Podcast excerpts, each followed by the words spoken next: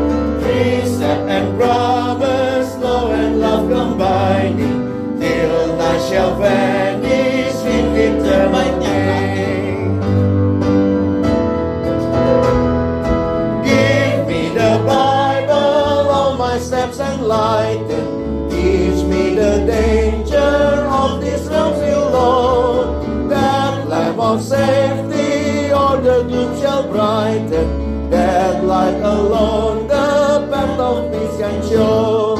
Give me the Bible, holy message shining. Thy light shall guide me in the narrow way precept and promise, law and love combining, till night shall vanish in eternal day. Give me the Bible, holy message shining,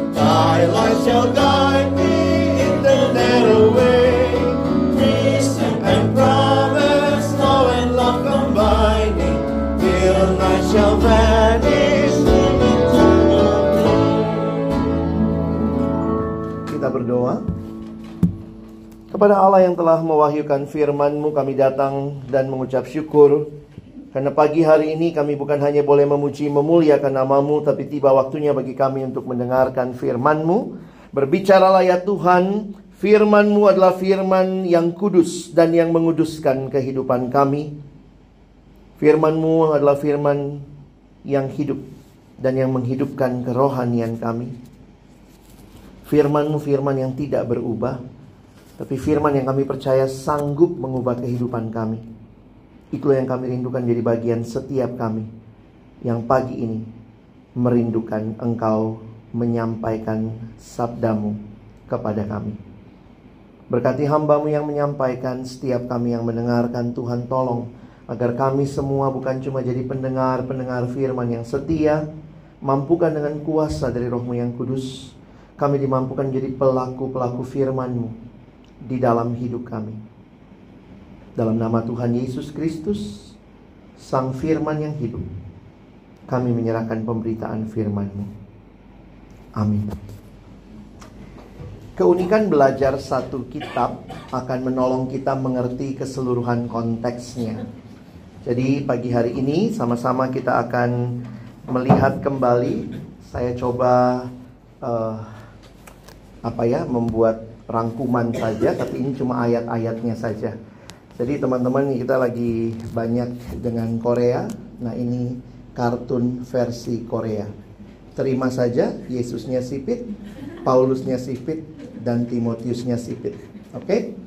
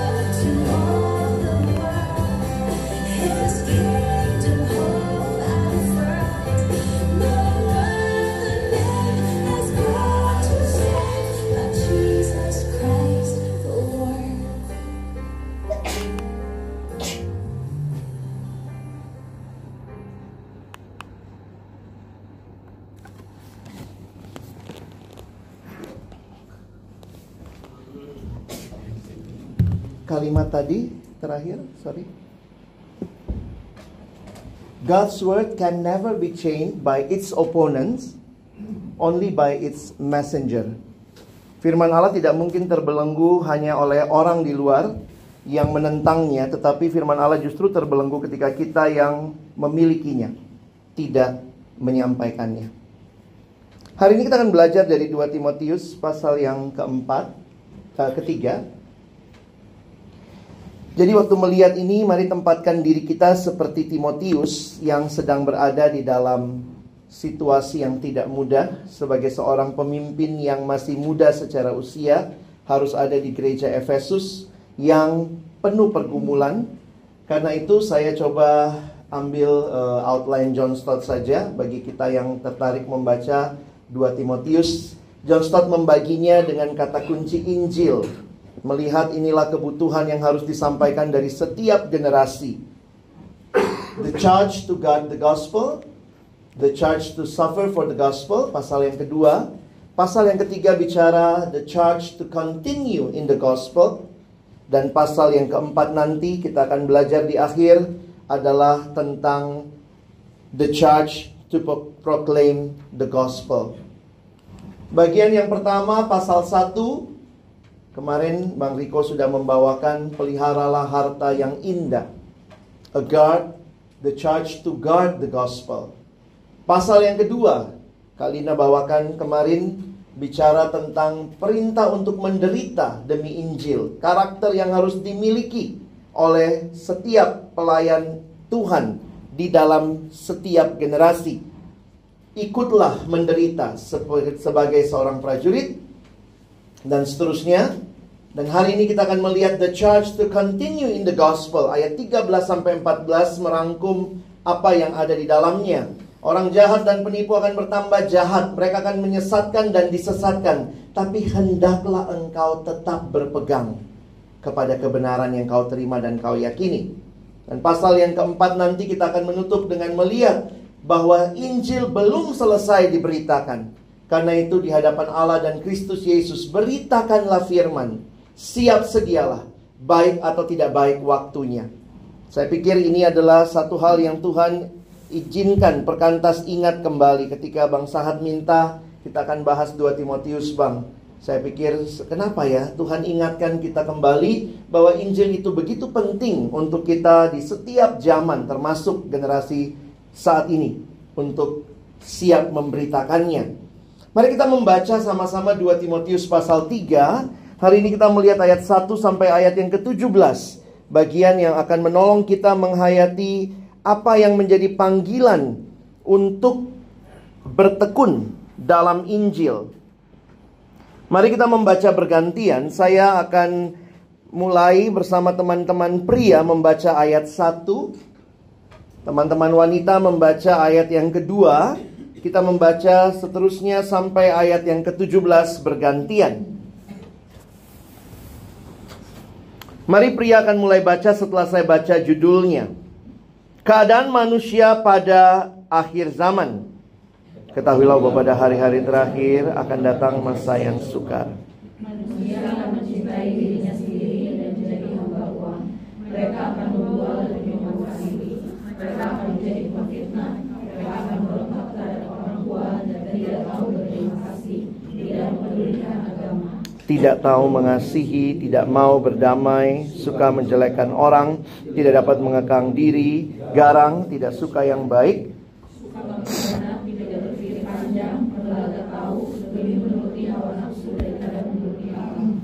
Setelah lahirnya mereka menjalankan ibadah mereka, tapi pada hakikatnya mereka memungkiri kekuatannya. Jauhilah mereka itu. Sebab di antara mereka terdapat orang-orang yang menyelundup ke rumah dan menjerat perempuan-perempuan lemah yang syarat dengan dosa dan dikuasai oleh berbagai-bagai nafsu. Walaupun selalu ingin diajar, namun tidak pernah dapat mengenal kebenaran.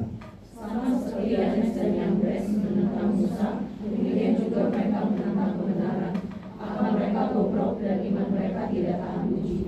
Tetapi sudah pasti mereka tidak akan lebih maju. Karena seperti hal yang Yambres, kebodohan mereka pun akan nyata bagi semua orang. Tetapi jika orang mengikuti ajaranku, cara hidupku, pendirianku, imanku, kesabaranku, kasihku, dan keturunanku. Engkau telah ikut menderita penganiayaan dan sengsara seperti yang telah kuderita di Antioquia dan di Iconium dan di Listra. Semua penganiayaan itu derita dan Tuhan telah melepaskan aku daripadanya. Memang setiap orang yang mau hidup beribadah di dalam Kristus Yesus akan menderita aniaya. Sedangkan orang jahat dan penipu akan bertambah jahat, mereka menyesatkan dan disesatkan.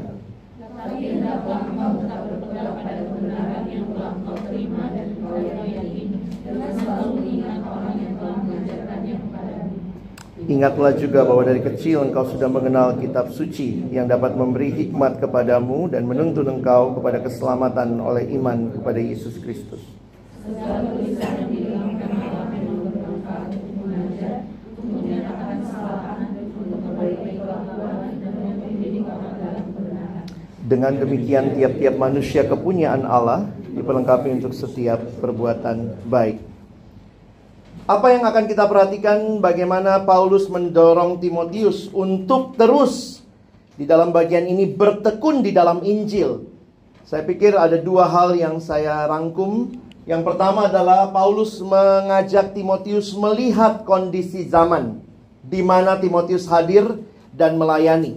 Dan yang kedua, apa yang sudah atau apa yang Timotius butuhkan melayani di dalam zaman yang seperti ini. Dan saya pikir ini juga yang mari kita refleksikan sambil kita membaca, merenungkan, mendengarkan bahwa apa yang jadi kondisi di sekitar kita, bagaimana perkantas dipanggil Tuhan melayani di generasi ini, di zaman ini. Sebagaimana Timotius dipanggil di zamannya dan mari kita lihat hal-hal yang kita butuhkan. Mungkin ini bukan hal yang baru yang saudara dan saya butuhkan, tapi hal-hal yang sudah ada yang Tuhan tegaskan kembali bagi kita.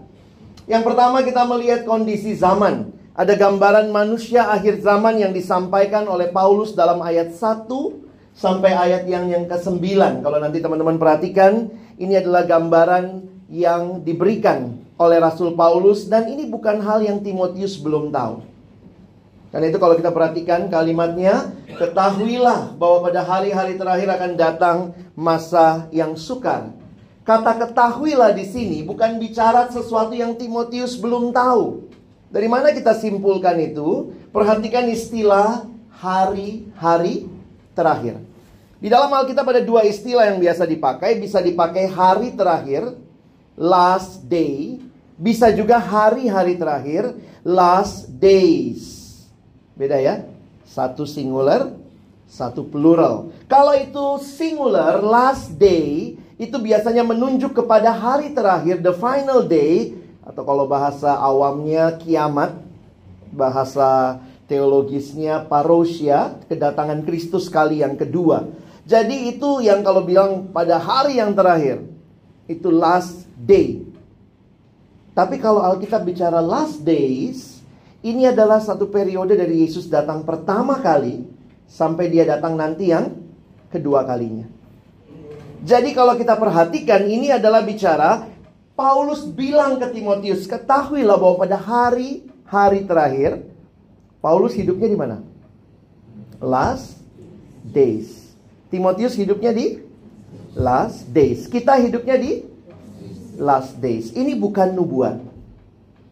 Tetapi sesuatu yang sudah nyata jelas dan bagaimana ini di setiap zaman akan berulang, teman-teman. Dan saya pikir ini yang perlu kita pahami ya. Makanya waktu ada banyak survei milenial begini, Gen X, Gen Y, Gen Z, ada orang yang agak gila sama itu ya. Gilanya mengklasifikasi ini gen mana gitu ya. Generasi apa? Alkitab dengan jelas mengatakan semua adalah manusia berdosa. Teman-teman dan saya dipanggil melayani perkantas bukan karena generasinya yang berubah. Tapi ada fakta yang tidak berubah adalah manusia sudah jatuh ke dalam dosa. Saya pikir kita harus ingat itu sehingga yang kita pelajari dari setiap zaman adalah bagaimana manifestasi dosa itu sebenarnya. Perhatikan istilah yang digunakan akan datang masa yang sukar, kalepos.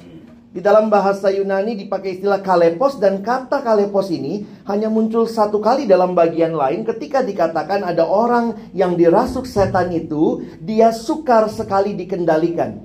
Semua rantainya putus. Kata sukar yang di sana muncul juga di dalam 2 Timotius. Paulus menggunakan istilah Yunani yang sama.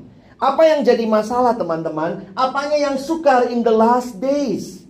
Ini bukan masalah pergumulan ekonomi global. Ini bukan masalah pergumulan perubahan iklim. Kok sampai sekarang belum hujan-hujan gitu ya. Tapi ini bicara tentang yang sukar adalah manusianya. Dan Alkitab sudah menyatakan ini. Sehingga Paulus memberikan kepada Timotius nasihat. Paulus mengajak Timotius mengingat lagi, melihat realita yang ada di sekelilingnya. Ketahuilah, bahasa Inggrisnya menggunakan istilah mark this. Nanti kalau mau hitung, silahkan. Banyak penafsir, pembicara dan juga termasuk saya dengar beberapa khotbah belakangan untuk persiapan ini membaginya macam-macam ya. Saya pakai pembagiannya Bang Sagala aja ya. Bang Sagala hanya membaginya dari ayat 2 sampai ayat yang keempat Karena itu dia menemukan 19 ciri 19 ciri ini Dia memasukkan yang terakhir Menuruti Allah Kalau Carson tetap menggunakan 19 Tapi dia memasukkan ayat yang kelima Yaitu mereka beribadah Tapi memungkiri kekuatannya ada lagi lihat penafsir sana bilang 18, penafsir sini ya macam-macam lah ya. Saya ambil yang 19. Nanti teman-teman kalau perhatikan list ini bagus juga dipelajari ya. Karena ini saya pikir kalau kita mau SWOT, Paulus sudah SWOT generasinya gitu ya. Dan ada hal-hal yang sama kok yang berulang. Kenapa? Karena sekali lagi ini bukan nubuat. Apa yang sudah terjadi di masa itu, sekarang mungkin eskalasinya lebih naik, publikasinya lebih viral, tapi sama kok. Dosa tetap dosa. There's nothing new. Makanya kalau rajin baca Alkitab sih nggak jantungan ya. Sudah banyak diceritain. Mutilasi ada hakim-hakim misalnya ya. Anak bunuh orang tua. Absalom ngejar Daud gitu. Walaupun nggak sampai kebunuh gitu ya. Makanya nanti kalau rambut jangan kepanjangan ya nanti nyangkut gitu. Ada lagi macam-macam lah ya. Eh, jadi kalau kita perhatikan itu realita-realita yang terjadi di sekitar kita dan paling tidak bagi saya adalah Paulus bisa baca zamannya. Can we read our culture? Bisakah kita membaca zaman ini? Melihat spirit apa yang ada di baliknya. Sehingga kita bisa lebih tepat melayani generasi ini. Jawabannya benar kayak kemarin Ernest bilang, we know the answer is Jesus, but do you know the question? And how to explain the question, uh, the answer, the answer is Jesus. Tapi kita tahu nggak pertanyaan mereka apa? Kadang-kadang kita nggak dengar pertanyaan mereka, itu udah sibuk bicara Yesus dan itu nggak jadi relevan buat mereka.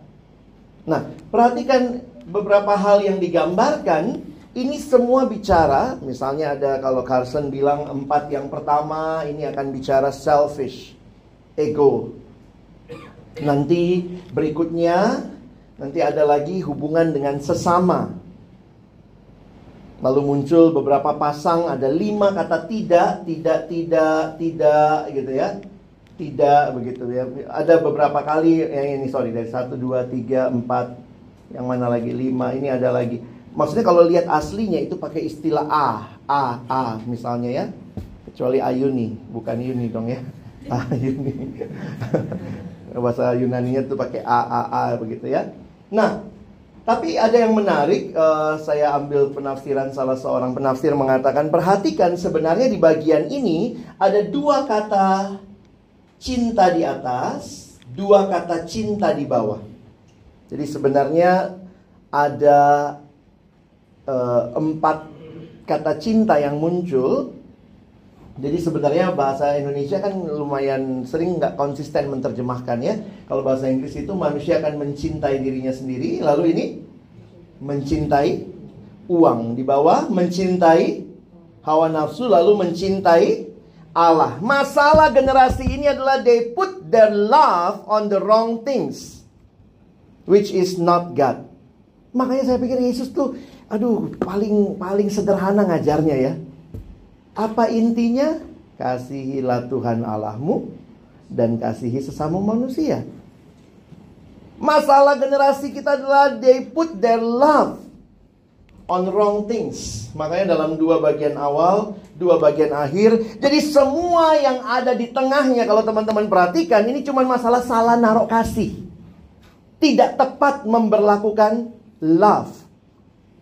NIV lebih jelas memberikan gambaran dengan istilah lovers.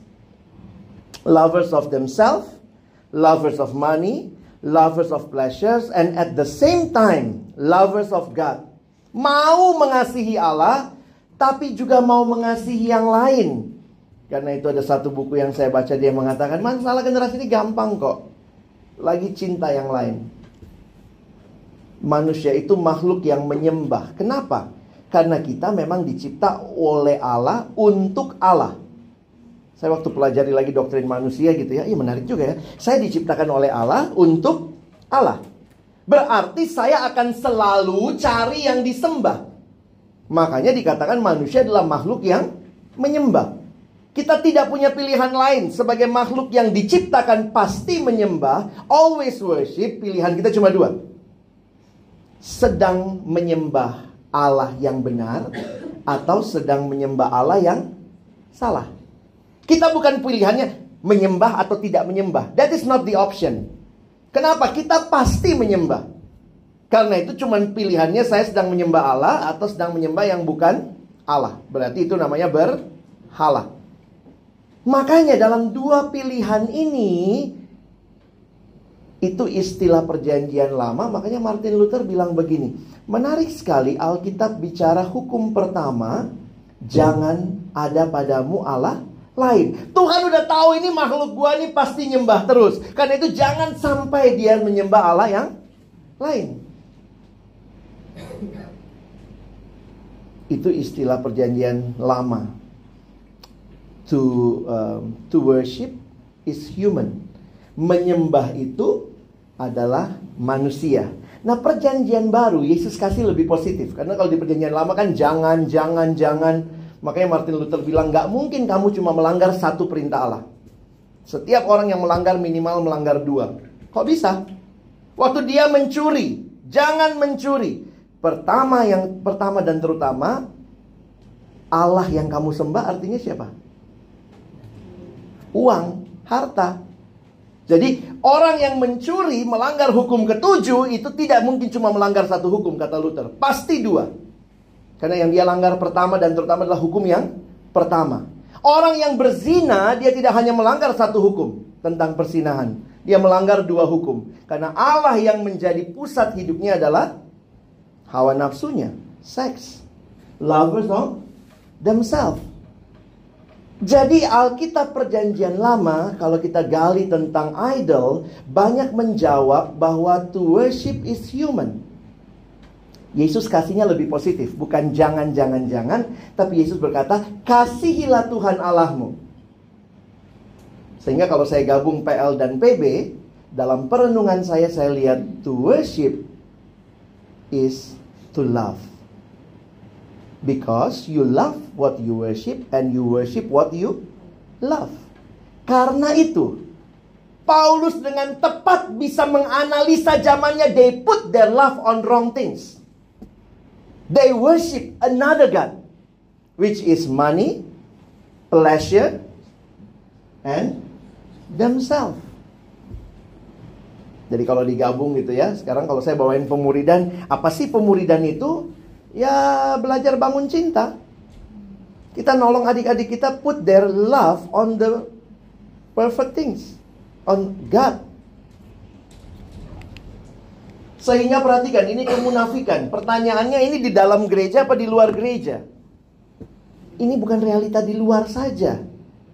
Ini di dalam, perhatikan ayat 5. Mereka malah menjalankan ibadah mereka. Tapi pada hakikatnya mereka memungkiri kekuatannya. Kan itu butuh pemuridan. Bahkan buat kita yang sudah bertobat. Yang ngakunya sudah terima Yesus, pastilah kita menyembah Allah. But at the same time, banyak kerusakan dunia ini yang ada di sekitar kita lagi mencoba mengganggu cinta kita.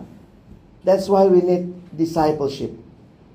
To follow Him to worship Him and to love Him with all our hearts and love one another. Jadi kalau kita akhirnya melihat pemuridan itu simple, it's as simple as that. Membangun sebuah generasi yang mencintai Allah dan mencintai sesama. Gimana cara membangun cintanya? Ya saya suruh dia saat teduh. Saat teduh bukan buat dicek, saat teduh bukan buat tolak bala kalau nggak saat teduh kamu dihukum Tuhan. Saat teduh demi membangun cinta.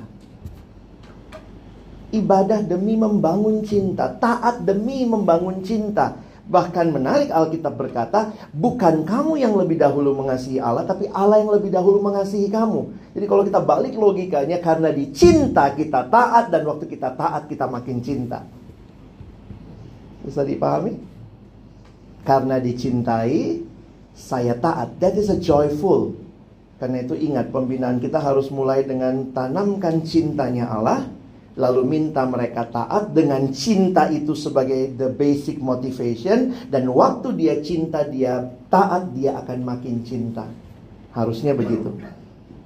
Legalisme mulai dengan taat dulu supaya Tuhan makin cinta. Loh, kebalik. Tuhan sudah cinta, ayo taat. Kira-kira gitu ya.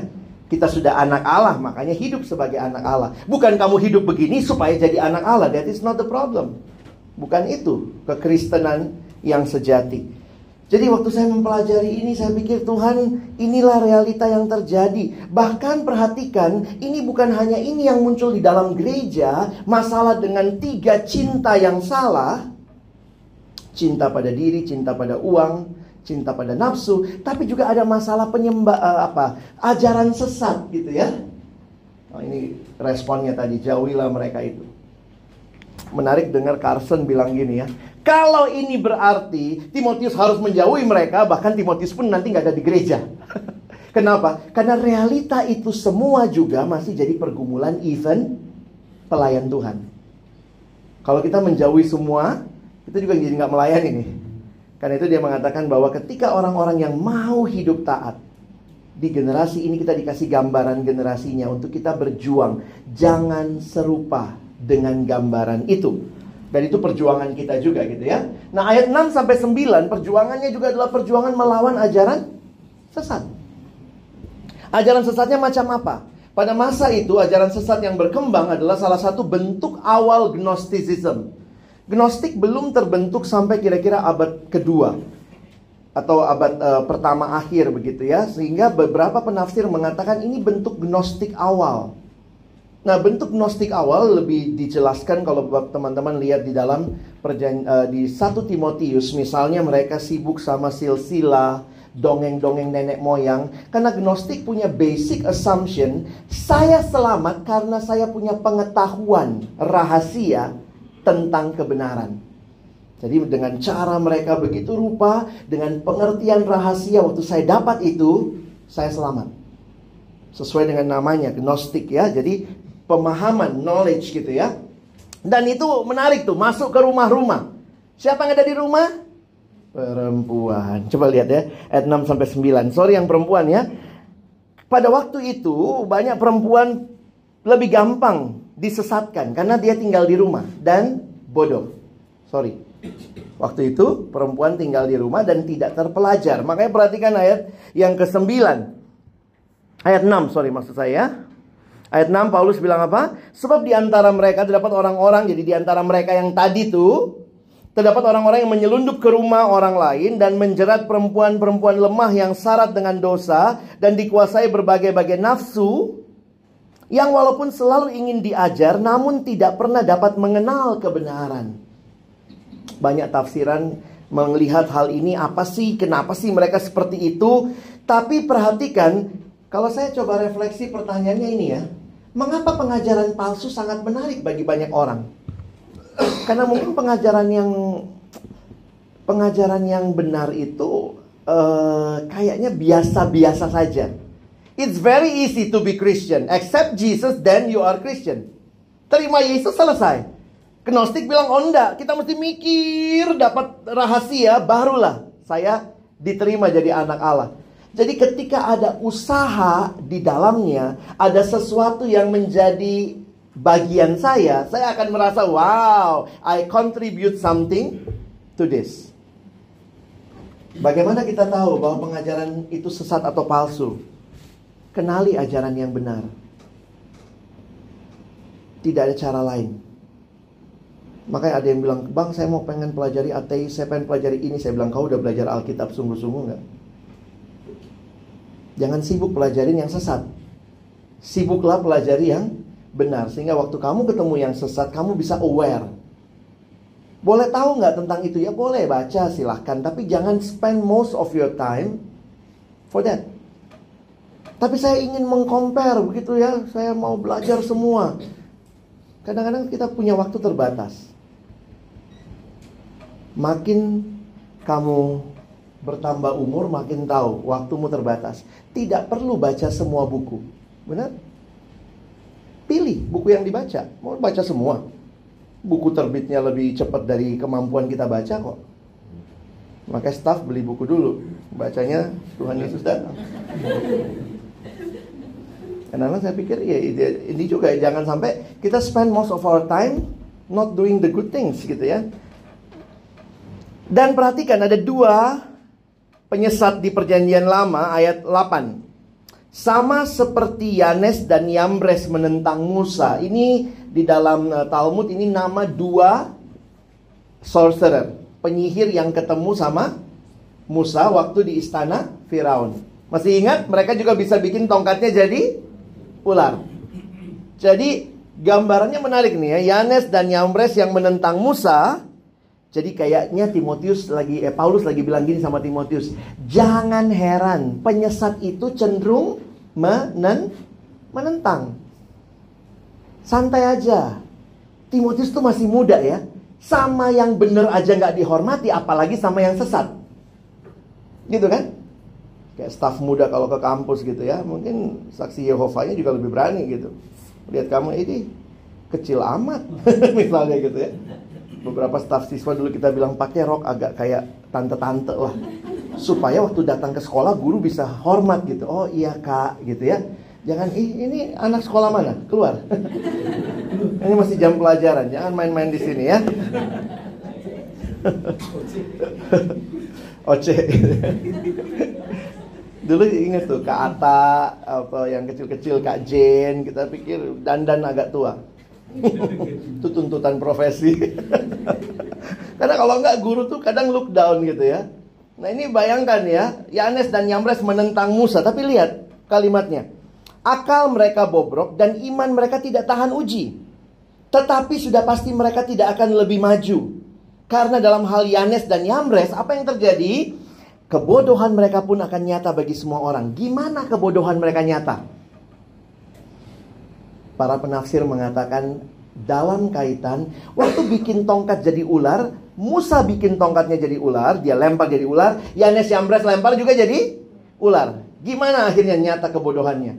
Ketika ularnya Musa menelan ular mereka.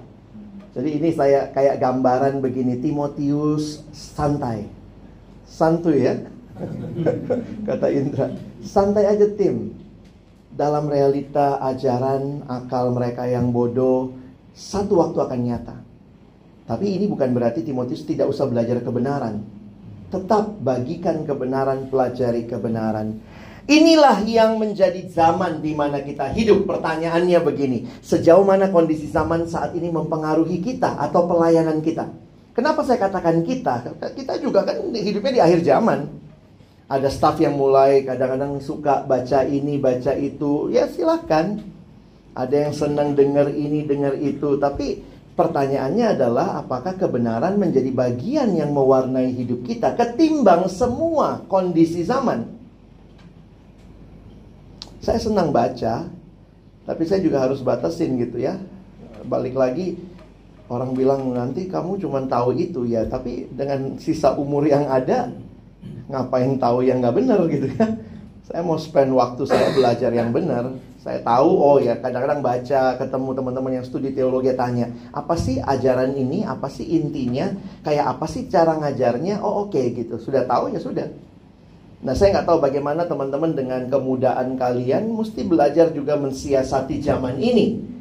Misalnya kita lihat nih sekularisme tentang religion and state. Kenapa? Karena mungkin tantangan generasi kalian 10 12 10 15 tahun ke depan kalau Mas Pur itu sudah banyak membaca ke depan, coba belajar ilmunya dari beliau gitu ya.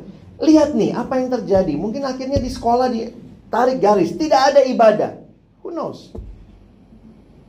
Kenapa? Hak asasi, tidak usah bikin agama per agama. Kenapa? Lihat radikalisme merebak karena bikin kolom agama per agama. Bisa jadi makin sekuler kita.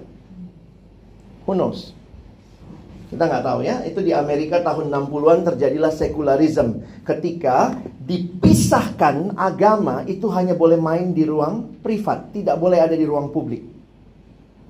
Jadi waktu itu sekolah-sekolah di Amerika terbiasa. Sekolah negeri pun karena mereka merasa mereka Christian countries, country ya, makanya waktu, waktu ibadah atau waktu mulai sekolah doa dulu. Terus sekitar tahun 60-an dihapus. Nggak ada doa dulu. Itu wilayah privat, jangan dibawa ke ruang publik. Padahal dia lupa, uangnya masih begitu ya, in God we trust. Jadi lucu juga dipisahkan begitu rupa dengan hal dengan apa alasan hak asasi.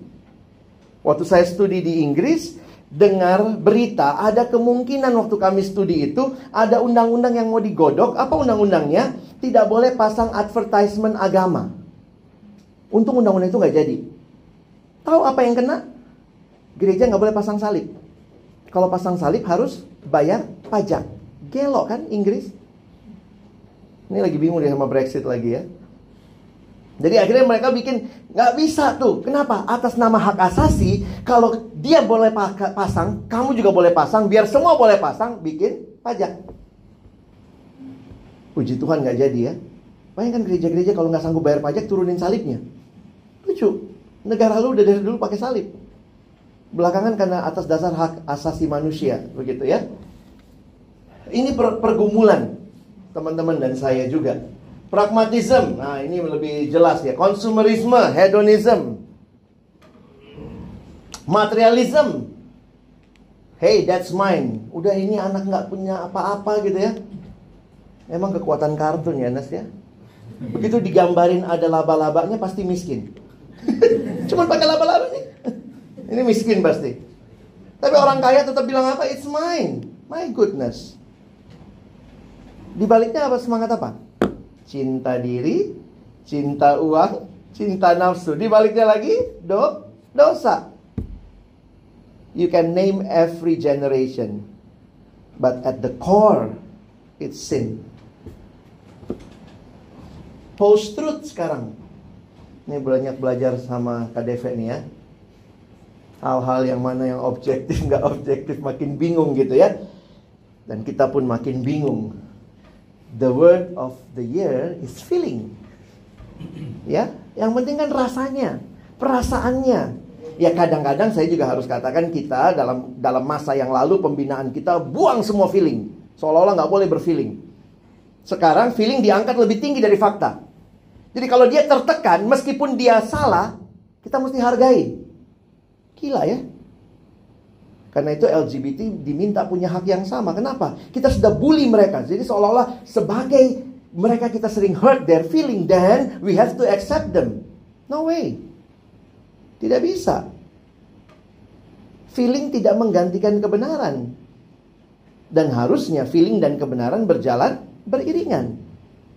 Karena banyak orang punya kebenarannya juga nggak punya feelingnya. Itu kadang-kadang juga unik ya. Makanya ada yang otaknya tahu sih, tapi hatinya nggak berasa. Saya tanya sama siswa, nyontek salah nggak? Salah kak. Lihat orang nyontek marah nggak? Tahu kan? Nyontek nggak boleh. Lihat orang nyontek masih marah nggak? Feelingnya apa? Oh enggak sih kak, kenapa? Gue juga nyontek gitu ya. Lihat, lu nyontek, gue juga. Eh tos. Sama. Loh, hati-hati kita pun harus membina feeling. Feeling harus diarahkan dengan kebenaran. Sehingga Paulus dan juga misalnya uh, um, Daud berkata, air mataku berlinang seperti aliran air karena orang tidak berpegang pada firmanmu. Itu bukan cuma masuk di wilayah knowledge. Nah ini pertanyaan buat kita, pembinaan kita membina apanya? Membina sekedar pengetahuannya, discipleship itu membina seluruh keberadaan sebagai a whole being. Belum lagi world view. World view itu banyak banget. Kadang-kadang tipis bedanya, Betty, beda tipis. Sehingga mesti digali apa ada di belakangnya, ada apa lagi. Di belakangnya ada apa lagi. Ada yang coba bikin diagram, silakan lihat sendiri. Yang warna merah ini ini adalah uh, world view-nya. Jadi mulai dari atas. God exists, percaya apa enggak? Kalau yes, berarti pertanyaan selanjutnya, more than one God exists? Kalau yes, kamu politeis. Selesai diskusi ya. God exists, yes. More than what God exists? No. Kalau sudah no, tanya lagi. Is uh, God is in control of the world now? Kalau dia bilang yes, God exists independently, yes or no, gitu kan? Dari situlah nanti. Kalau dia bilang Tuhan tidak mengontrol langsung, misalnya no, berarti deis. Tuhan cuma cipta, habis cipta Tuhan liburan. Nanti kiamat datang lagi. Ada yang merasa begitu. Jadi God created, jangan sampai di situ. Apakah waktu dia created dia lepas tangan? Nah ini kapan-kapan kita diskusi gitu ya. Ini di sekitar kita loh. Mahasiswa kita ilmu-ilmu yang di, dibuat banyak berdasarkan non-taste view. Semua terjadi karena ini bentur sama ini, berantem sama ini gitu ya. Lucu juga gitu ya. Jadi waktu saya perhatikan ini kita yang mana? Kita lagi membangun murid. Murid yang sederhananya ada adalah pecinta Allah. Apa bukti kita mencintai Allah? Kita baca sama-sama ya, satu dua ya.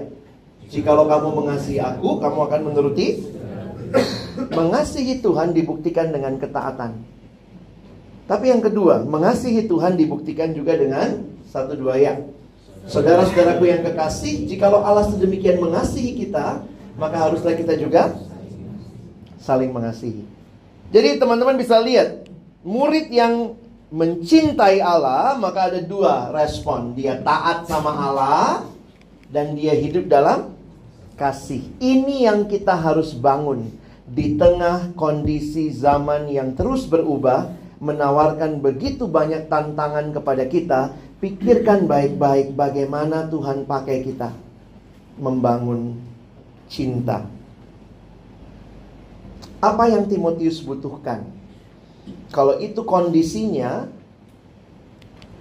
yang Timotius butuhkan itu kelihatan dari tiga hal yang Paulus ingatkan.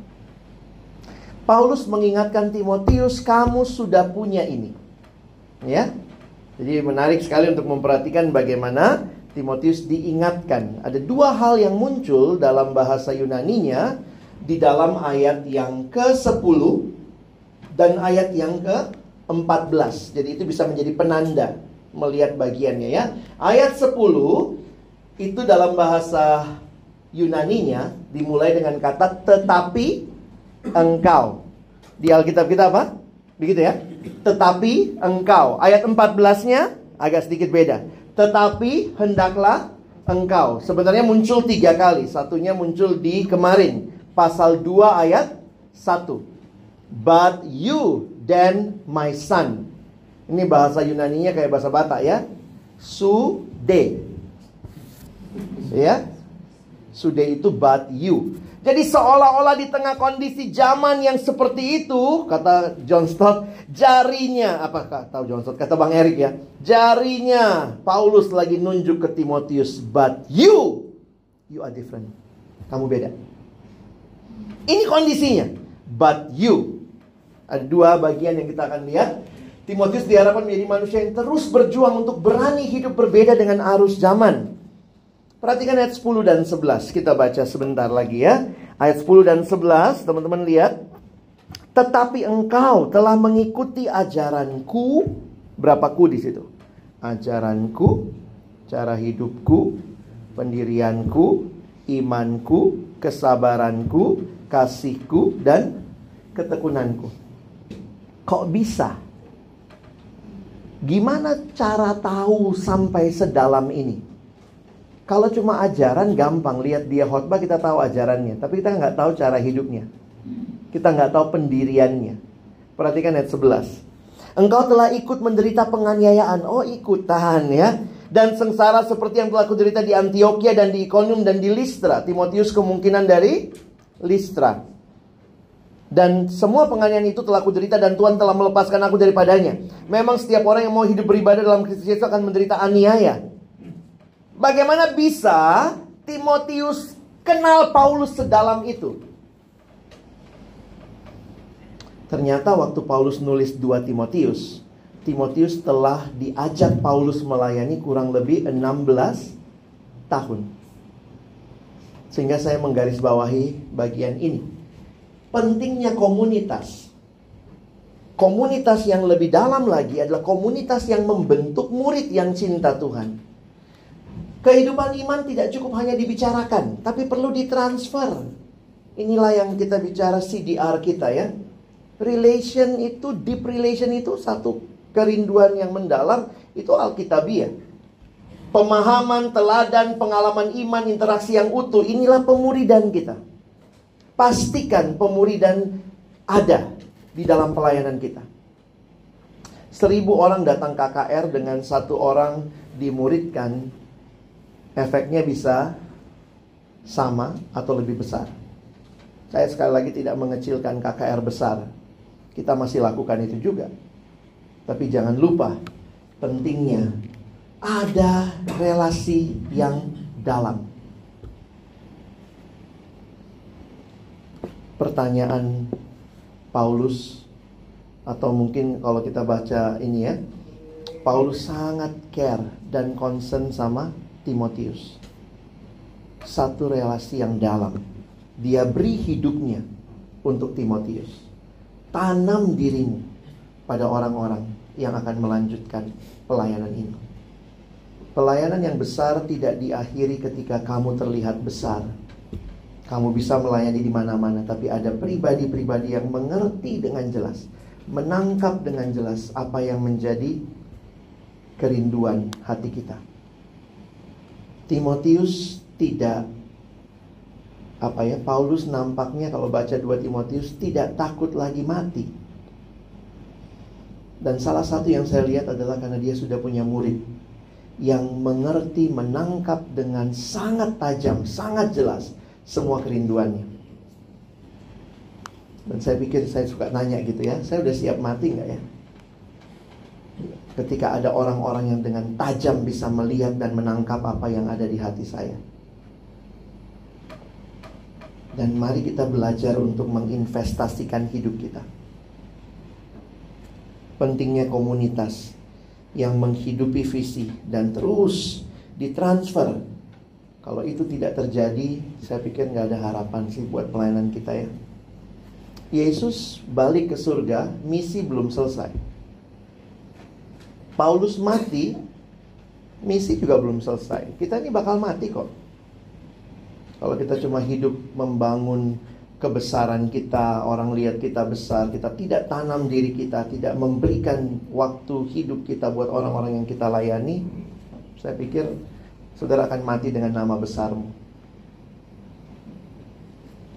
Oke, saya harap ini jadi kerinduan kita, komunitas yang betul-betul pemuridan yang dalam, yang dimulai dari relasi yang dalam. Yang kedua, kalau tadi bicara orang, sekarang bicara firman. Bagi saya pentingnya kitab suci seolah-olah Paulus mau bilang begini. Kalau kita lihat ya kalau saya mau bolak-balik begitu ya, firman Tuhan ini penting banget. Lihat ada contohnya. Hidup. Jadi uh, bukan cuma firman tapi juga kita butuh hidup yang melakukan firman. Itulah hidup Paulus tadi yang dia transfer kan? Timotius. Jadi di tengah kondisi zaman kayak begini, apa yang teman-teman dan saya butuhkan terus punya komunitas yang menghidupi firman, terus memberitakan firman. Kalau kita kehilangan dua hal itu, selesai kita. Firman itulah yang mendasari pemahaman membentuk perilaku. Bayangkan ditaruh di satu perikop, di atasnya ada kondisi zaman yang kayaknya hopeless. Gimana mau diubah? Orang yang tidak cinta Tuhan, tidak cinta orang tua, berontak terhadap orang tua. Ada hope nggak? Ada. Hope-nya apa? Tempelkan. Ini istilah bangsa galau waktu saya mahasiswa. Tempel hidupmu kepada orang-orang yang memang hidup dalam firman. Tempel hidupmu. Kalau perlu minta, saya mau masuk hidup kakak. Saya mau masuk hidup abang. Saya mau belajar. Dulu orientasi staff begitu ya. Karena mungkin masih dikit kali ya, bukan bentuknya kelas. Saya ingat banget waktu saya mahasiswa, saya lihat itu namanya Kak Uci. Kak Uci staff Palu dulu ya kak ya. Kak Uci itu OS-nya kayaknya sama Bang Agus. Jadi Bang Agus ke visip, Kak Uci ikut gitu ya, tempel aja makan gitu ya. Kalau sekarang kan paling cuman waktu ke daerah itu. Itu sebenarnya ke daerah makanya kalian nggak diharapkan melayani. Tempel aja hidup staff seniornya. Sayangnya kadang ditaruh sama staff junior. Jadi bingung juga yang ditempel kemiskinannya gitu ya. Miskin bareng-bareng gitu ya. Harusnya kan biasanya tempel sama yang senior dulu. Saya ingat banget. Kak Uci itu ke mana Bang Bang Agus pergi ikut tuh. Kecuali ke toilet kali ya. Begitu tuh hidupnya. Bener-bener tempel gitu ya saya pikir-pikir iya penting nih kayak begini nih. Hidup yang melakukan firman, komunitasnya dan kitab suci jadi mendasari pemahaman bentuk perilaku bisa. Thank you tadi Ray pilih lagu itu juga membuat saya juga meyakini gitu. Kadang-kadang kita berpikir gimana sih ngubah anak ini? Tapi kalau kalian pernah mimpin kelompok kecil pasti kalian punya kesaksian ya. Gimana interaksi dia dengan firman, dengan komunitas yang tadinya tidak cinta orang tua bisa mulai doain orang tua. Wah itu kan kita bangga banget gitu ya. Kita pikir karena kita, padahal karena Tuhan. yang tadinya sulit sekali. Ada yang bilang, kak saya sulit sekali sharing. Setelah kelompok kecil, belajar berbagi, bisa mulai sharing. Tadinya rajin banget nonton film porno, gimana berubah? Ketika firman demi firman membangun, mengubah komunitas yang menolong. Saya pikir wow. Jangan berhenti memuridkan. Itu jawaban Allah bagi pergumulan generasi. Saya mengamini apa yang dikatakan oleh Grant Skeldon. Udah selesai terjemahin belum? Doain ya Bang Ray lagi terjemahin buku Grand Skeldon akan diterbitkan tahun depan oleh literatur nasional. Kita sudah dapat hak terbitnya. Grand Skeldon waktu saya pertama kali tahun lalu November baca bukunya, saya langsung bilang ini harus diterjemahin. Dia cuma bilang sederhananya begini, jangan bicara pergumulan generasi. Ini pergumulan pemuridan. Kalau yang senior, yang tua, lihat yang ini tidak lakukan, maka yang kau harus lakukan bukan mengkritisi mereka, dampingi mereka. Kaget saya waktu baca itu. Wow. Bahkan dia bilangnya agak kasar juga dia ngomongnya ya. Stop mengkritisi kalau kau tidak invest apa-apa untuk generasi ini. Jangan berani bicara. Tapi mari bicara ketika engkau dan saya sedang berjalan mendampingi generasi ini. Kita bilang anak sekarang nggak tahu aturan. Yuk, ajarin mereka aturan. Gimana caranya? Beri diri buat mereka. Dampingi mereka. Kaget waktu saya baca, sehingga dia tulis di situ. Bab 5. Gereja bukan punya masalah milenial. The church doesn't have a millennial problem. The church have discipleship problem. Why? Because the older generation, they don't want to disciple the new generation. They keep criticizing them.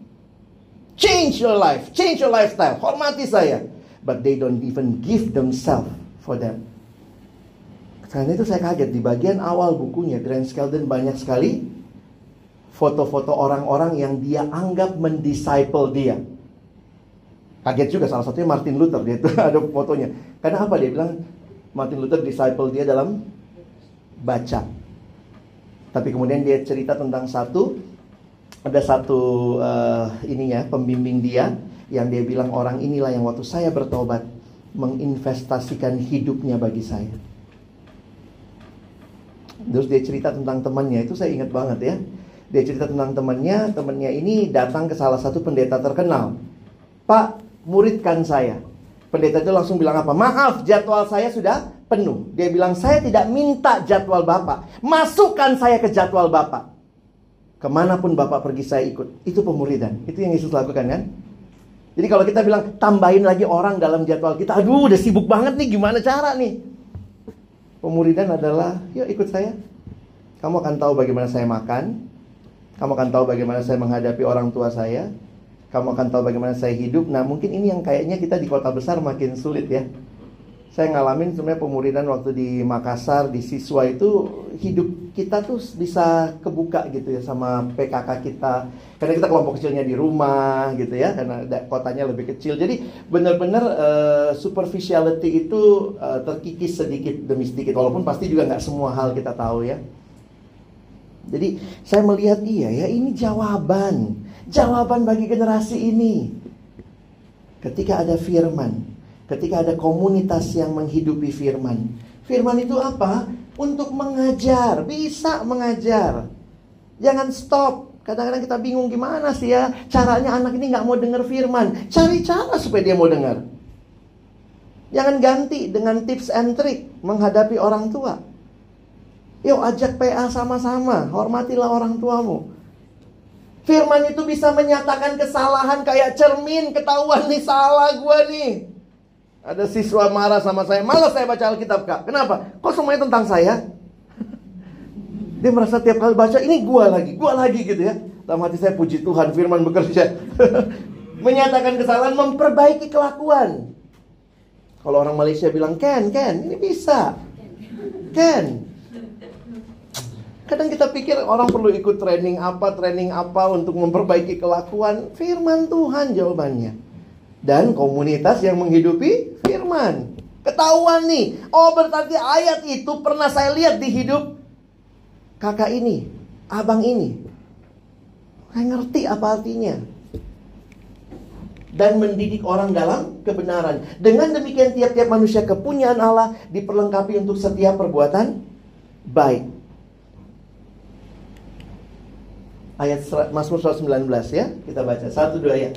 Dengan apakah seorang muda mempertahankan kelakuannya bersih?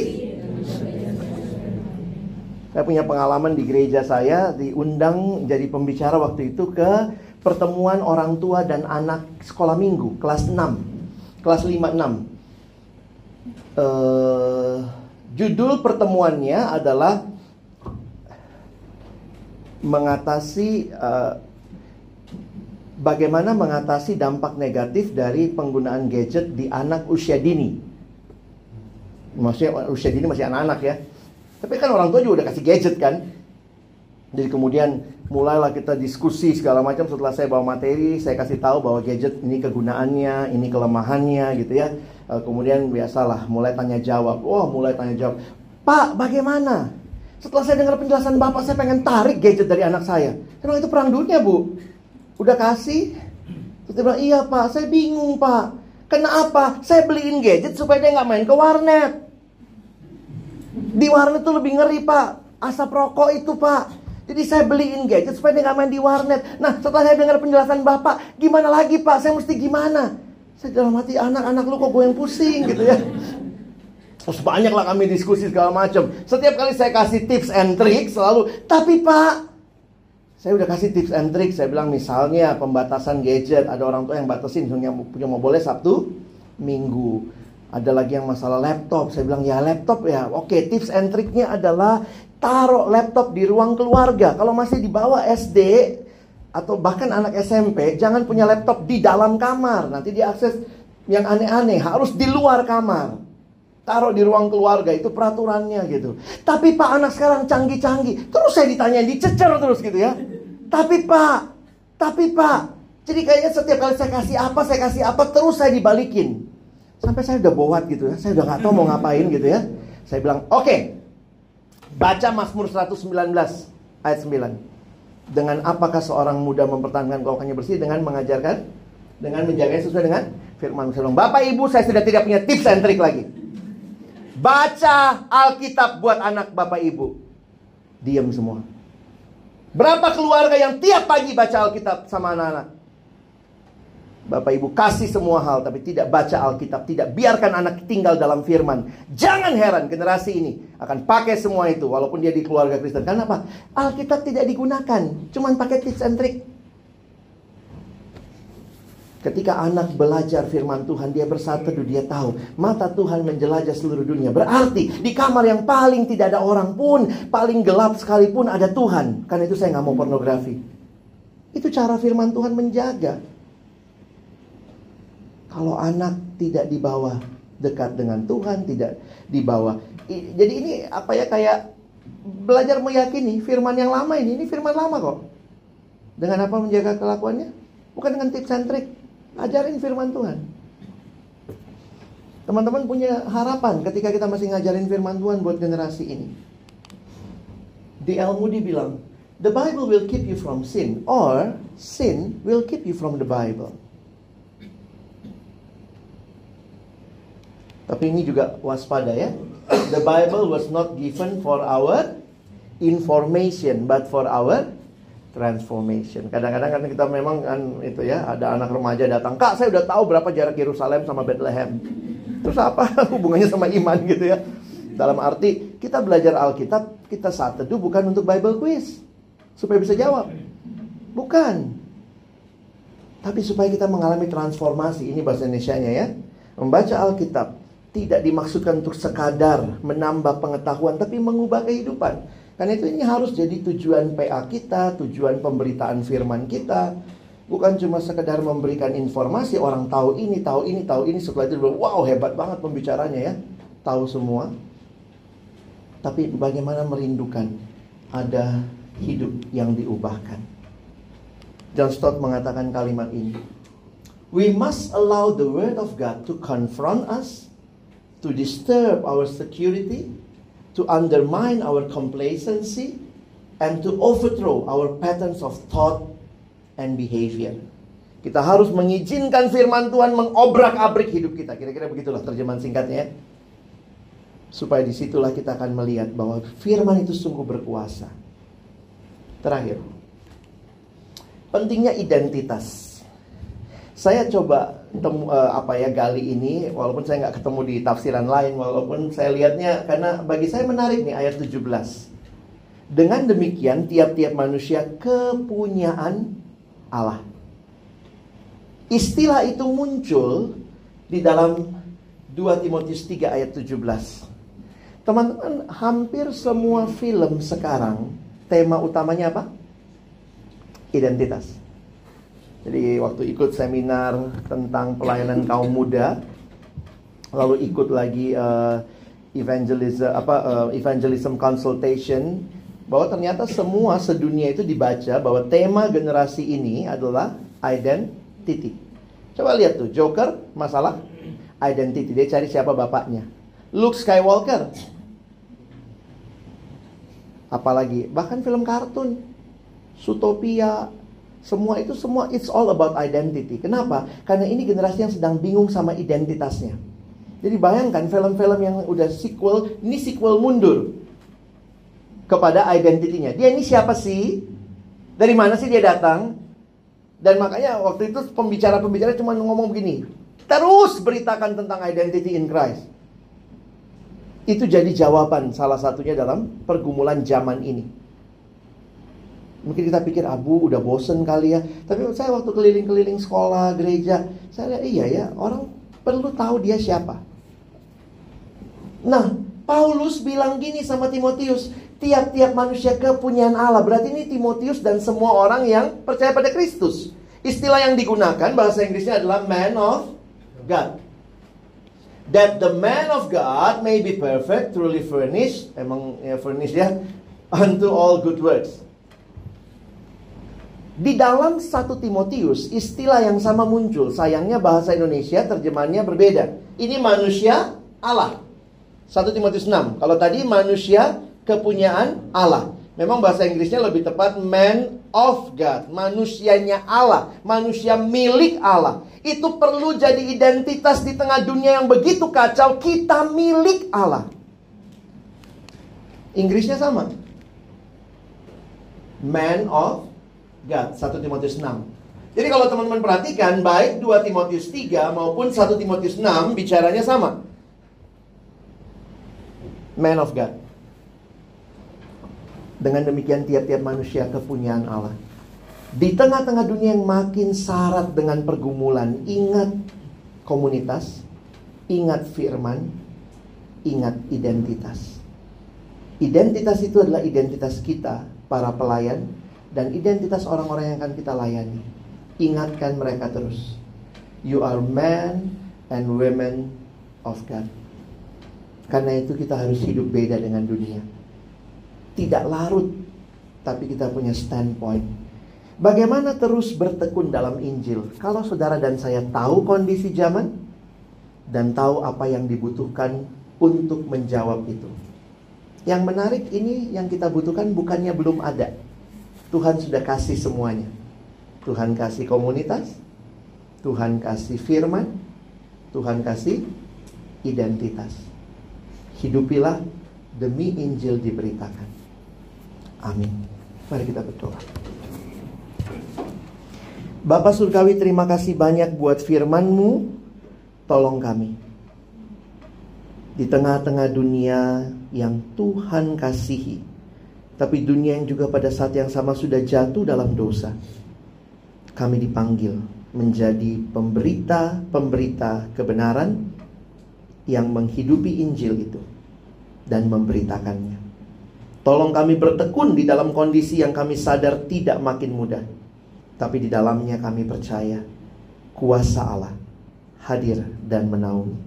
Terima kasih Tuhan. Kami bersyukur tolong kami bukan cuma jadi pendengar firman, tapi jadi pelaku firman secara khusus dalam panggilan kami melayani bersama di Perkantas Jakarta. Seluruh staf BPC komponen kami dalam panggilan yang sama bertekun di dalam Injil. Dalam nama Yesus kami berdoa. Amin.